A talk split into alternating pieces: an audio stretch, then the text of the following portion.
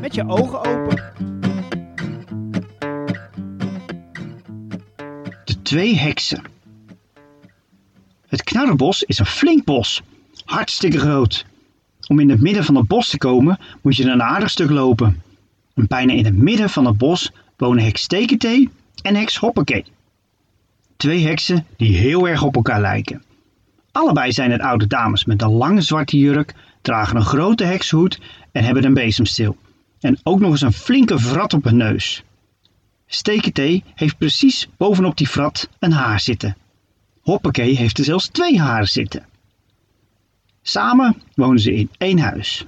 Dat was makkelijk, want er hoefde er maar één te koken en maar één schoon te maken en dan konden ze s'avonds allebei hun toverspreuken oefenen. En dat was best gezellig. Wat de heksen ook samen hadden, was dat ze allebei niet lekker konden koken. Ze vonden allebei wel dat ze goed konden koken, maar van elkaar vonden ze het ronduit smerig. Ze aten beide voornamelijk trollensoep. Dat was ook makkelijk maken.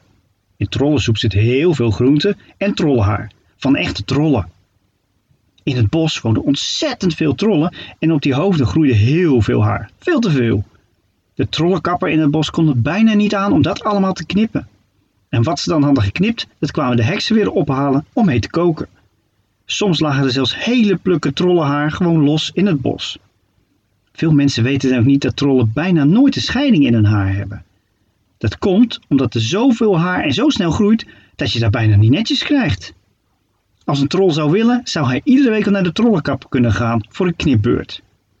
Maar Steketee vond de soep die Hoppakee maakte niet te eten. Het was ongelooflijk smerig. En op haar beurt vond Hoppakee de soep van Steketee echt heel goor smaken. Ranzig, vies, bah, gadver, bagger, meuk, bleh. Steketee maakte haar eigen soep in haar eigen ketel.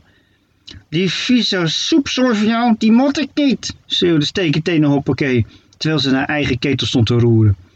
En die soep van jou, die is pas smerig. Daar zou een troll zijn eigen haar niet in terug willen vinden, plerde Hoppakee dan terug naar Steketee. Zoals jouw soep stinkt, zo smaakt die ook, schreeuwde Steketee beledigd terug naar Hoppakee. En dat was niet best, want die soep stonk inderdaad vreselijk.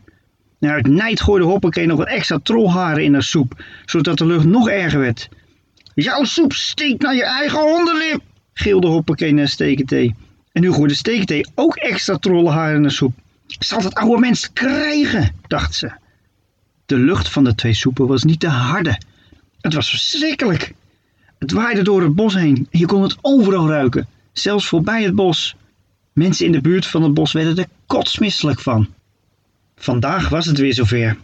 Steketee had een flinke ketel gevuld met trollensoep. Wat blad uit de tuin erbij gegooid, modder uit het bos, gebruikte zakdoeken en natuurlijk trollenhaar. Stukjes van onder haar teennagel vandaan, om het nog wat pittiger te maken, wat sambal erbij. En nog voordat de stinkende rook van de soep afkwam, gaf ze Hoppakee een kopje om te proeven. Deze is speciaal wat pittiger. Moet je proeven, Hoppakee? En Hoppakee nam een slok. Bleh! Werkelijk niet te eten! Vieze soeptroep van het meest afgrijzelijke soort aller tijden! Hoppakee deed haar best om de soep niet over de vloer te tuffen. Jij weet gewoon niet wat goede soep is, suffe heks, ze Steketee. Ondankbaar mens. Jouw soep smaakt naar tomatensoep, maar dan zonder tomaten en zonder soep. Maar dan wel met de smaak van wormen en vieze handdoeken, ze Steketee. Dat pikte Hoppakee niet en begon direct aan haar eigen soep om die nog beter smerig lekkerder te maken. De afgrijzelijke soeplucht trok weer door het hele bos naar de huizen rond het bos en daarbuiten. De bewoners keken groen, zo misselijk werden ze van de lucht. Alweer. Purring van de Pinkel, die naast het bos woonde, was er helemaal klaar mee. Hier moet echt wat aan gedaan worden. Zo kan ik niet rustig tv kijken, donuts eten of een achterlijk boek lezen.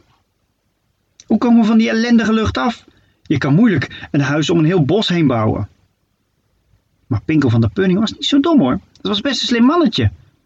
Ik moet met een beter idee komen. Als ik nou eens belachelijk lekkere slagroomtaart maak en die cadeau doe aan de heksen. Met het recept erbij. Dan proeven ze ook eens wat echt lekker is. En dan kunnen ze dat voortaan zelf maken en zijn wij van die ellendige trollenhaar lucht af. Pinkel ging aan de slag. Het duurde wel een dag of drie, want de taart moest natuurlijk wel gelijk helemaal perfect zijn en groot bovendien. Hoe groter, hoe indrukwekkender voor de heksen. Dan zou de kans groot zijn dat ze de taart heel interessant zullen vinden. Na ongeveer een dag of drie taart maken en een paar uurtjes afkoelen, kon de taart op een kar worden gehezen en bracht Pinkel deze naar het heksenhuis in het flinke grote bos. Hij belde aan en een verbaasde heks deed open. U bent, vroeg Steketee. Van de Pudding is de naam, aangenaam. Ik kom een veel te grote taart brengen, speciaal voor alle heksen in dit veel te flinke bos. Namelijk Steketee en Hoppakee. Steketee keek nog eens verbaasd. Nog meer verbaasd zelfs. Hoppakee, kom er eens bij. We hebben een taart gewonnen of zo. Hoppakee kwam naar de deuropening. Nee, niet gewonnen, maar gewoon gekregen. Van mij, van Van der Pudding. Aangenaam, zei Pinkel. Ik heb gehoord dat de slagroomtaart namelijk erg goed is voor heks. Voor iedereen trouwens. Nou ja, bijna iedereen, denk ik. Of niet. Maar in ieder geval wel voor heksen. Zeker heksen die in dit huis wonen, zei Pinkel. Dat is zeer attent en de aardig en de vriendelijk en de fijn. En had ik al aardig gezegd, zei Hoppakee tegen Pinkel. Alsjeblieft, en dat het maar mag smaken. Het recept zit erbij, dus de volgende taart kunnen jullie zelf ook maken, zei Pudding enthousiast. De heksen sleepten de taart naar binnen, knikten nog vriendelijk naar Pudding en smeten toen de deur dicht. Eet jij maar op, Hoppakee. Ik lust geen slagroomtaart. Dat is goor, zei Stekentee tegen Hoppakee. Echt niet. Eet het ding lekker zelf op. Ik lust ook geen slagroomtaart. Ik vind het nog goorder, zei Hoppakee tegen Stekentee. Ik eet nog liever die vieze trollensoep voor jou, zei Stekentee tegen Hoppakee. Oh ja, nou, dat wil ik wel eens zien. Dan zal je het opeten ook, vervolgde Hoppakee tegen Stekentee. Wat denk je zelf? Dat ga ik echt niet doen. En niet voor jou en niet voor mij. Niet voor niemand. En ook niet voor die pudding. Niet voor een totaal kaal geplukte troll aan toe. Ga lekker met je blote derrière in je eigen soep zwemmen, ze Stekentee. Hoppakee pakte een stuk taart en smeet die vol in het gezicht van Stekentee. Pats! Op haar neus met de vrat en de haar. De heksen begonnen een taartgevecht in hun eigen huis. De slagroom vloog in het rond. Ondertussen pruttelde de heksensoepen flink en trok de lucht alweer door het bos. Pinkel van de Pudding was nog niet thuis of de hele buurt rook alweer naar die ondraaglijke trollenhaar. De heksen hadden genoeg taart om urenlang naar elkaar toe te kunnen smijten. En dat deden ze. Ze renden achter elkaar aan, het bos in, net zolang tot het halve bos vol lag met slagroom en andere stukken taart. Eén grote taartenbende. Ondankbare rotheksen, dacht Pinkel, met mijn taart te smijten. En weer die lucht. Dit werkt niet. We moeten van die twee ruziemagende heksen af. We zetten ze op de trein Heksmanië. Daar horen ook heksen te wonen en niet in een trollenbos. Daar horen trollen te wonen. Pingel tromde wat buurtbewoners bij elkaar en haalde een vangnet uit de schuur en kocht alvast twee kaartjes voor de trein naar Heksmanië.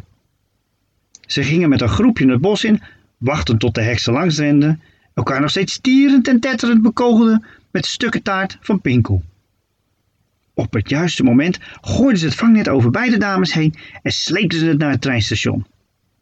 Pinkel gaf de kaartjes af bij de treinconducteur. De conducteur gaf een flinke slinger aan het fluitje en de trein die vertrok. Zo, daar zijn we mooi klaar mee. En vanaf, zei Pinkel, terwijl hij zijn handen langs elkaar klapte, alsof dit klusje maar weer mooi geklaard was. De heksen zijn nooit meer teruggekomen. Die wonen nu gezellig tussen de andere heksen die elkaar ook bestoken met vieze trollensoep. Het trollenhaar wordt naar hen opgestuurd.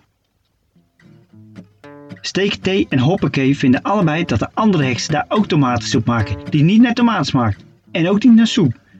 En in Heksmania heb je geen slagroomtaart. Dat is dan wel weer fijn voor de heksen.